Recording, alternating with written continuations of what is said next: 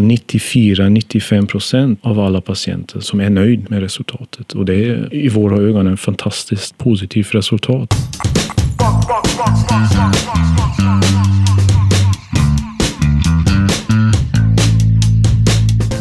Hej, det här är Akademiliv, podcasten från Sahlgrenska akademin. Jag heter Elin.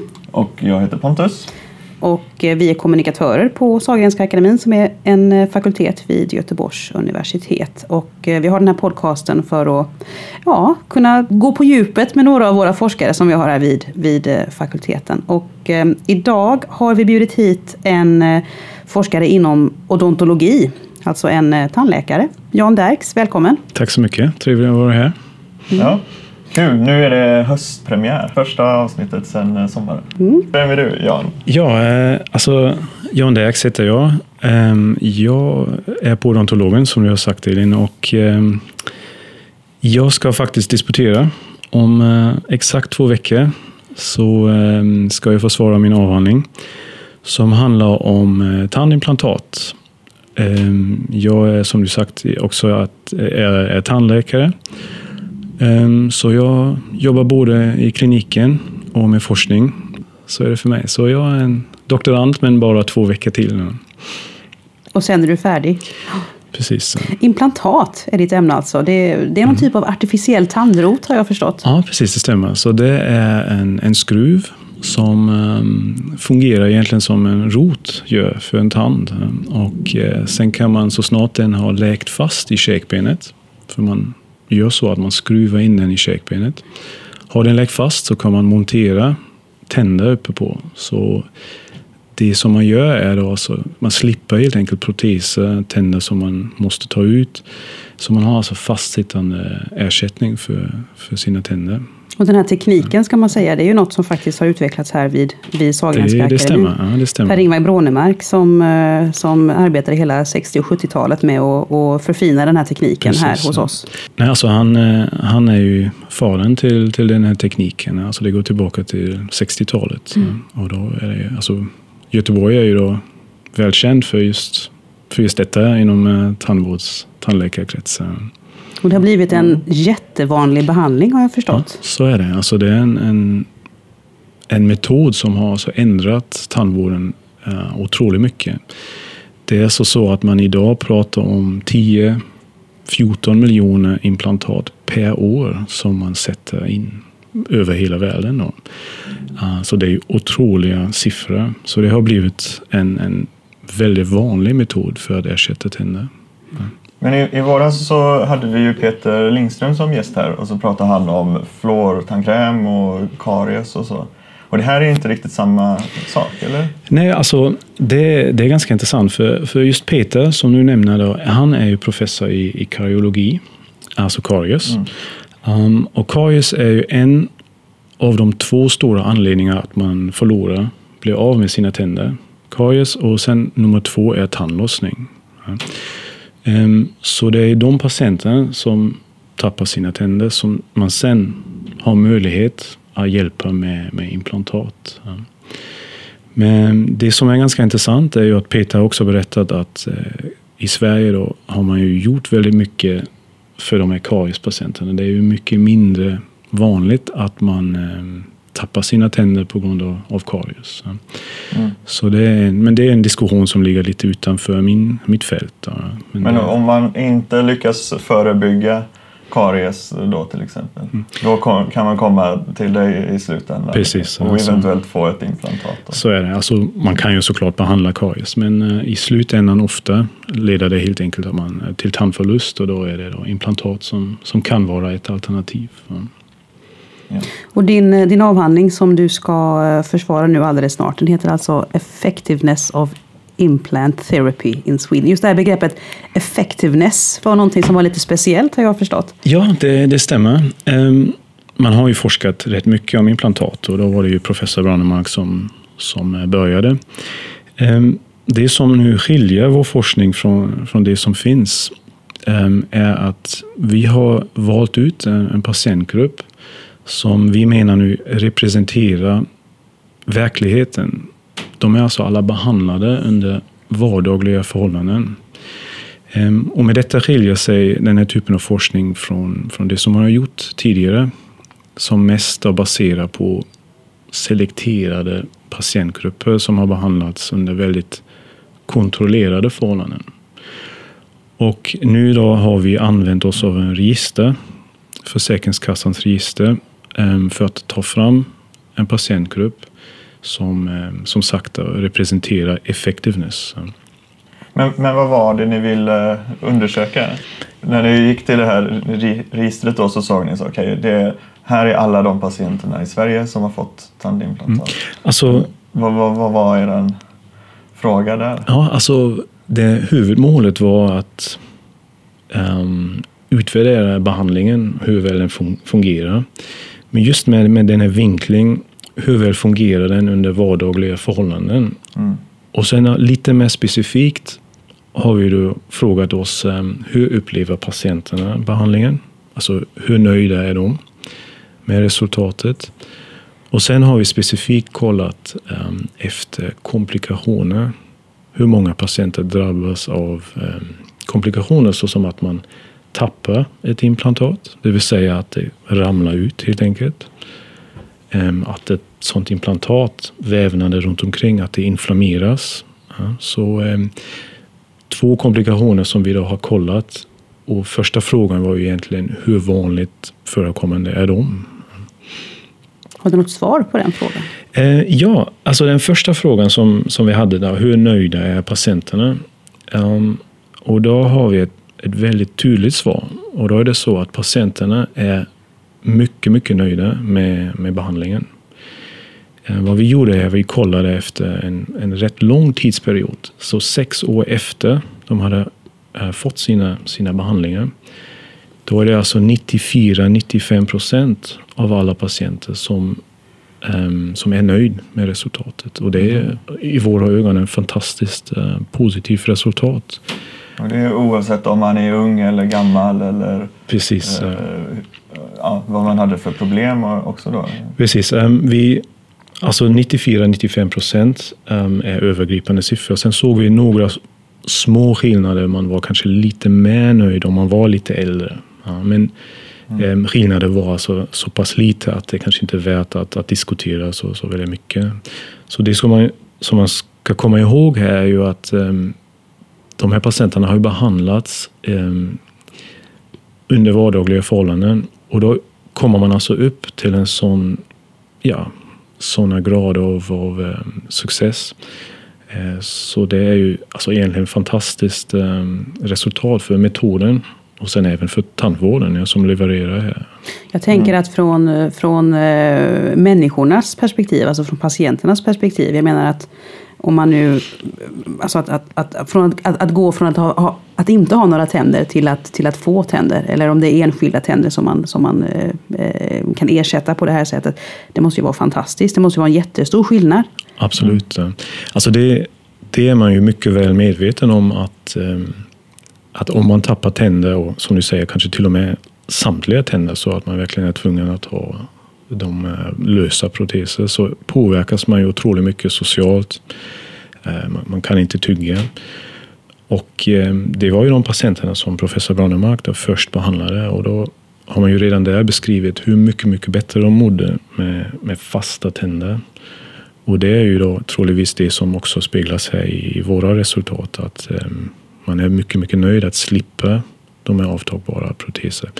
Sen är det ju så att mm. Eh, det är inte bara sådana patienter. Det är också många som har fått enstaka tänder som är monterade på, på implantat.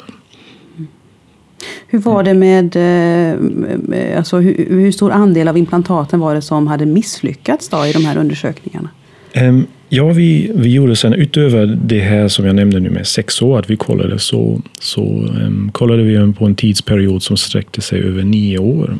Och då nämnde jag ju redan att vi tittade på dels implantat som ramlade ur. Helt enkelt att man tappar hela, hela konstruktionen. Och det drabbade alltså en av 13 patienter över de här nio åren. Så en grupp 7,5 för att vara helt exakt 7,6 procent som, som tappade då minst ett implantat. Så det var då en, en grupp av patienter som råkade ut för det här. Sen det här med, som jag nämnde med inflammation i, i tandkött och runt ett implantat. Det är ganska intressant. Det motsvarar ju tandlossning på många sätt. Mm. Um, det, kan, det kallas då inte för tandlossning, men det kallas för, för periimplantit. Alltså en inflammation kring, kring implantat. Det drabbade då sammanlagt i en allvarlig form 15 procent av alla patienter. Alltså, både siffror som jag nu nämnde, det är ju alltså betydande patientgrupper. Om man tänker att ehm, under 2014 bara så var det 30 000 patienter som i Sverige får implantat. Om man då tar 7 procent, 15 procent så är det ju ganska stora patientgrupper som vi som behöver hjälp, då, som behöver ju ytterligare åtgärder som måste behandlas. Lite, eh. lite elakt att man kan göra det här implantatet och så får man ändå en form av tandlossning. Så, precis. Alltså, kroppen är inte riktigt eh, är, lika nöjd. Precis, det är ju då, um, det är ju såklart en, en, en allvarlig komplikation efter man har genomgått en, en rätt omfattande behandling um, som innebär ju då igen alltså eventuella kostnader, lidande. Så det är ju patienter som ofta är ganska besvikna um, som upplever det här. Och då mm. får man hantera det som jag nämnde och det är ju då um, en stor utmaning för, för vården att hantera det. För det här är ju då saker som man, man visste sedan, sedan många år tillbaka. Men just hur vanlig, i vilken omfattning, så är siffror som vi kom fram till är ju då nya siffror kan man säga. Och så får man lägga till att vården idag vet egentligen inte så riktigt hur man hanterar de här informationen kring implantat. Vi gör det bästa vi kan, men det är ju långt ifrån att vi har stark data eller, eller underlag för att ha en evidensbaserad vård. Så vi, det är ju mycket kvar att, att forska kring. Och det här då som vi har kommit fram med är ju egentligen kartlägga lite hur vanliga problem egentligen är. Men är det ändå inte en trygghet att veta då att om man ser till det stora hela och hela livssituationen och upplevelsen efter, efter sex år så då är även de som har fått vissa problem faktiskt ganska nöjda.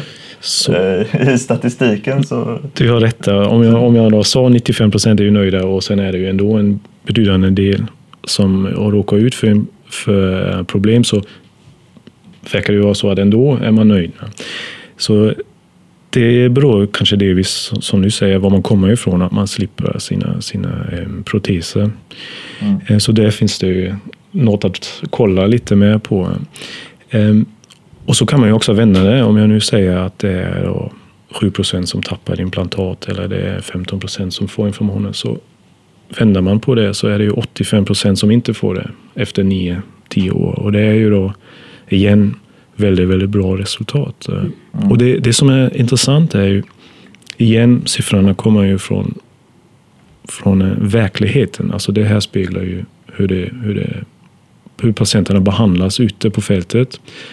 Och då är siffrorna väldigt, väldigt lika det som man har sett i, i de här studierna som, som görs under mer kontrollerade förhållanden. Det är alltså siffror som man känner igen. Och det mm. pratar igen för metoden att eh, det funkar så väldigt, väldigt bra också ut på fältet. Också för, för tandvården som helhet. Så det är ju väldigt positivt. Nu vet jag att det här, det här, den här frågan är lite utanför din avhandling kan man ju säga. Men jag är lite nyfiken på vad det är som gör att man kan tappa de här implantaten. Jag vet att det är andra forskare, bland annat din handledare, som forskar väldigt intensivt på detta här på, på Sahlgrenska akademin. Kan du berätta kort, vad, är, vad, vad, vad vet man om riskerna? Ja, så det stämmer som du, du nämnde min handledare, professor Tor Berglund, som har ju under, under många år forskat just om implantat. Eh, alltså orsaken till um, till problematiken, det ser vi um, idag, det är ju inflammation, inflammationsrelaterat. Och egentligen parallell eller analog till, till tandlossning så är alltså orsaken, eller boven, är ju plack eller bakterierna som samlar sig på tänder när det gäller tandlossning, men också kring implantat när det gäller periimplantit. Så det är en bakterieorsakad inflammation som um, ligga i tandköttet och sen som en konsekvens i vissa patienter och i vårt material då, i 15 procent leder då till benförlust. Och det är ju det som håller implantatet. Mm. Så benet drar sig tillbaka och slutresultatet, om det här nu Då pratar vi om käkbenet? Alltså, käkbenet, precis. Mm. Ja. Så det, vi sa ju inledningsvis att skruven, den skruv, skruvar man ju in i käkbenet, så som man sätter en skruv in i, in i väggen. Och eh, om nu benet då drar sig undan, för man, benet accepterar helt enkelt inte inflammationen, då eh, tappar man stöd. Skruven tappar benstöd och till slut ramlar den helt enkelt ut. Mm. Men för att svara på din fråga då, enkelt, då är det ju då plack som, eh, som man anser då som eh, orsakande faktor. Sen är det ju då riskfaktor, alltså det är processen, det är orsaken. Men sen finns ju en, en hel rad faktorer som vi tror idag som påverkar det här. Ja, som man kan tala om riskfaktorer, riskindikatorer. Ja, och då är det ju många som man känner igen från tandlossning. Och då är det sjukdomar såsom diabetes, beteende såsom rökning. Så många sådana faktorer som man, som man diskuterar. Igen, evidensen här är ju inte speciellt stark kan man säga. Så de är inte tillräckligt starka för att man ska kunna säga till en patient att du ska nog inte ha något implantat för att jag ser att du, att du röker och du har de här och de här faktorerna som gör att det här kommer nog inte att lyckas. Nej, alltså, um, det ligger såklart också lite som du sa, då, lite utanför så det vi har tittat på specifikt. Och jag tror inte att man kliniskt har data som skulle alltså tillåta eller skulle leda till att man verkligen så att säga säger nej, det är stopp. Vi, du är en rökande patient, då kan vi inte göra så här. Så så långt har vi inte kommit. Ehm, men vi kan prata om ökad risk. Ehm, och det är ju då någonting som är väldigt intressant när man har samtal med sina patienter och, om risker och, och komplikationer. Och då är rökning en av flera faktorer. Men det låter lite som att även om det här är ett implantat och liksom en, eh, en konstgjord tand eh, som man sätter in med en konstgjord rot och allting så får man behandla den precis som att det var en av sina vanliga tänder. Och tar man inte hand om dem eller tar hand om sig själv så, så det, är, blir det ökade risker. Det, det stämmer. Det som är intressant är ju att den får ju ingen karies. Ja. Det, men det var bara en av de två stora. Just det. Eh, så karies, eh, kariesproblematik det slipper man ju såklart med implantat. Mm. Så det som kvarstår är just det med inflammation. Och eh, om det är plack då, som jag säger, så är det ju ehm, att man sköter det.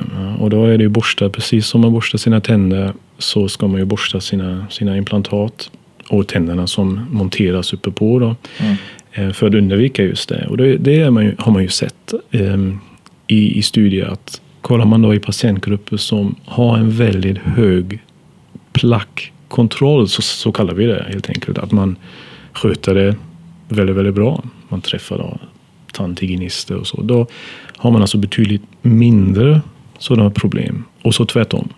Patientgrupper var man då um, inte sköter sig lika väl, då um, åker man ut för, för betydligt fler problem. Det här med, med tandimplantat har ju verkligen utvecklats eh, otroligt de senaste åren. Det finns Eh, en rad olika märken och fabrikat som tandläkare idag kan välja mellan när man ska göra en behandling på en, på en patient. Och det här är också någonting som du har tittat på i din avhandling. Ja, det, det stämmer. Vi har, ehm, alltså som utfallsmått hade vi då både ehm, att man tappar ett implantat eller utvecklar sådana, sådana inflammationer.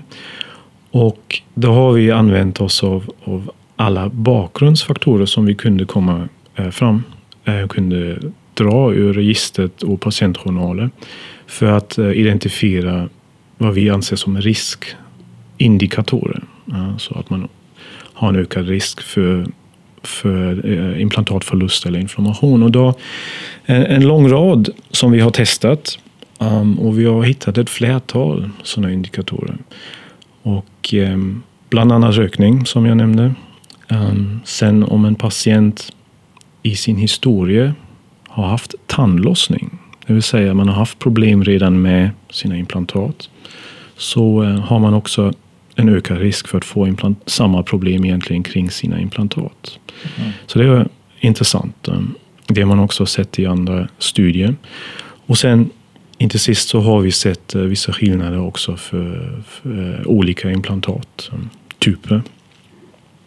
Vad är det för typ av skillnader som man kan se då? Um, alltså skillnader mellan implantattyper. Ehm, de skiljer sig på, på en, en hel del eh, faktorer. Det är så att materialet är ju titan. Det var det som man har använt från början och det är samma idag. De kan eh, skilja sig i geometri. Så även om det är med skruvar så kan de vara utformade lite på, på olika sätt. Utegenskaper som, alltså på ett mikroskopiskt sätt, så um, skiljer de sig. Um, makroskopiskt skiljer de sig, som jag sa, geometriskt. Så att det finns en lång rad av, skillnader bland de här. Hur de är konstruerade så alltså är det, i grunden? Precis, mm. så är det. Mm. Och um, som du nämner så finns det alltså idag ett, säkert hundratal märken på marknaden, och inte ännu mer, som man använder. Och det du har kunnat se är att det också finns en skillnad i eh, Eh, hur stor andel av de här implantaten som misslyckas. Alltså hur stor andel som, man, som blir inflammerade eller som till och med leder till tappning. Precis, eh, då har vi alltså sett att eh, vissa helt enkelt är överrepresenterade. Ehm, sen är det så att den forskningen som vi har gjort här är ehm, av den typen som vi kallar observationsforskning. Ehm, det vill säga vi har ju inte Eh, fördela grupperna på ett randomiserat sätt. Det är alltså helt enkelt det som vi har hittat. Ehm, så de här resultaten som jag nu nämnde, de anser vi som hypotesgenererande. Det vill säga alla våra fund egentligen nu borde testas igen i en mer kontrollerad form. Så man kan använda de här resultaten till nu att designa nya studier med, med, av kontrollerad form. Så man, man ska ta resultat mm. kanske med, med en viss försiktighet och inte övertolka dem. Att de till exempel nu leder till kliniska rekommendationer. Så, så stark får man kanske inte vara. Men då ska man helt enkelt ta, fokusera på någon av de här riskerna, riskfaktorerna och så studera den specifikt ja. och se okej, okay, hur funkar just den här eh, Eh, faktorn då? Och är det, om det är fabrikat eller om det är ett beteende hos patienten. Precis, alltså så, så funkar egentligen forskningen. Vi, vi befinner oss ju i Alltså kan man säga i framkant. Det här är ju nya saker som vi, vi helt enkelt inte visste. Och eh, vi hade alltså ingen, egentligen ingen idé om det här. Alltså vi var överraskade. Eh, en del av eh, resultat, inte alla. Vi hade vissa idéer. Men en del var, vi helt, eh, var helt nya till oss också. Mm. Eh, och nu som du säger så kan man alltså kanske singla ut en specifik faktor och testa då i, i en eh, klinisk studie ja, av en kontrollerat sätt, på ett kontrollerat sätt. Mm. Spännande. Mm. Um, du kommer ju att försvara din, din avhandling här nu ganska så snart. Hur känns det? Ja, det är såklart väldigt spännande. Så det är två veckor kvar. Ehm, boken är ju tryckt, så det känns ju väldigt, eh, väldigt bra. Så snart jag hade den i handen så känner man ju nu är det på något sätt gjort. Men det kvarstår ju då att klara själva disputationsdagen. Men eh, jag är positiv. Ehm, allt står och jag har gått igenom allt flera, flera gånger om. Så jag är ganska positiv. Men visst, lite nervositet börjar komma nu. Och, eh, Vad är det du är orolig för? Ja, jag måste säga att eh, det som jag försöker klura ut är vad, vad kommer opponenterna att fråga? Vilket, eh, vilken riktning kommer man att välja? Um, så att eh, det är väl det som jag, som jag tänker på mest. Mm. Vilken är den, den, svaga punkten som opponenten ska skjuta, skjuta in sig på? Då, alltså? Ja, det, om, om det finns någon ens. Ja, alltså det finns ju säkert vissa punkter som man, eh, som man kan diskutera. Um, det är precis den nyckelfrågan mm. som jag försöker komma på. Men jag tänker inte avslöja det här såklart. Men det här, den här disputationen blir ju på något sätt slutpunkten för flera års arbete här på institutionen för odontologi vid Göteborgs Mm. universitet. Va- Hur har det varit tycker du att vara doktorand? Ja, alltså jag har jobbat med det här i, i fem, fem och ett halvt år.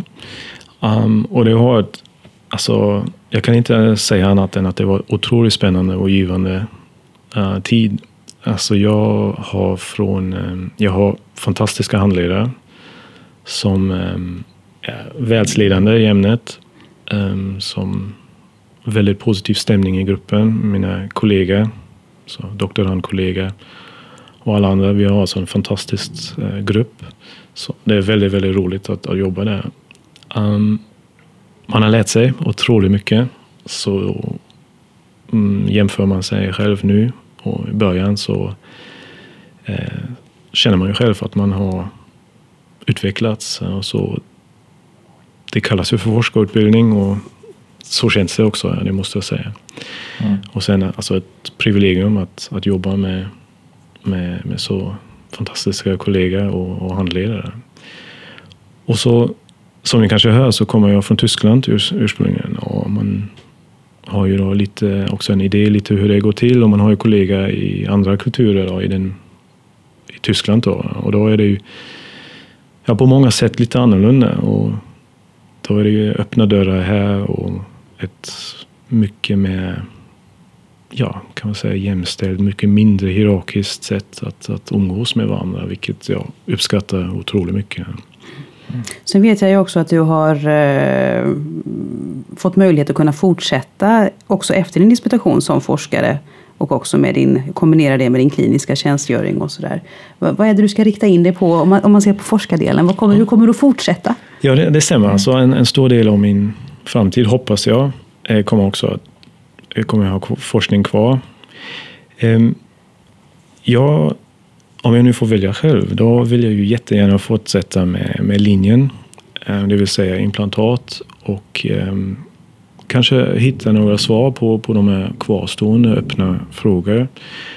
Och en stor fråga för, för oss är ju hur vi hanterar de här problemen, det vill säga de patienterna som vi möter i kliniken. Hur behandlar vi dem? Och då finns ju en, en oändlig rad av obesvarade frågor idag. Um, ehm, och då är det ju de här kliniska studierna som behövs. Och det, då är delvis mina kollegor. Det var min kollega Olivier Kakvak som försvarade sin, ehm, sin avhandling i, eh, i april, så bara några månader sedan. Som då har inriktat sig precis på det, på det med behandling. Och då tycker jag, eh, vill jag jättegärna fortsätta med, med de frågorna. Tillsammans då såklart med, med gruppen. Tack så mycket för att du kom hit, Jan. Det var jättetrevligt att prata med dig. Tack så mycket. Väldigt trevligt för mig Och sen också. vet jag inte, får man säga lycka till med disputationen? Eller det... Ja, jag tar det emot och tack så Ja, men mycket. vad bra. Lycka till. Det här var alltså Akadem- Akademiliv, vår eh, podcast från eh, Sahlgrenska akademin. Ja, och eh, vi finns ju bland annat på iTunes, och Soundcloud och Stitcher på andra podcastplattformar om ni vill eh, lyssna på våra gamla avsnitt. Eh, bland annat då med Peter Lindström som vi nämnde här tidigare.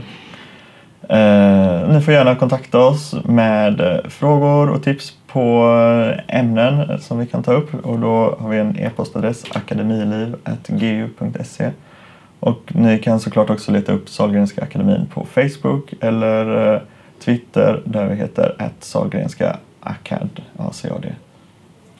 Ja, hej då! Hej då!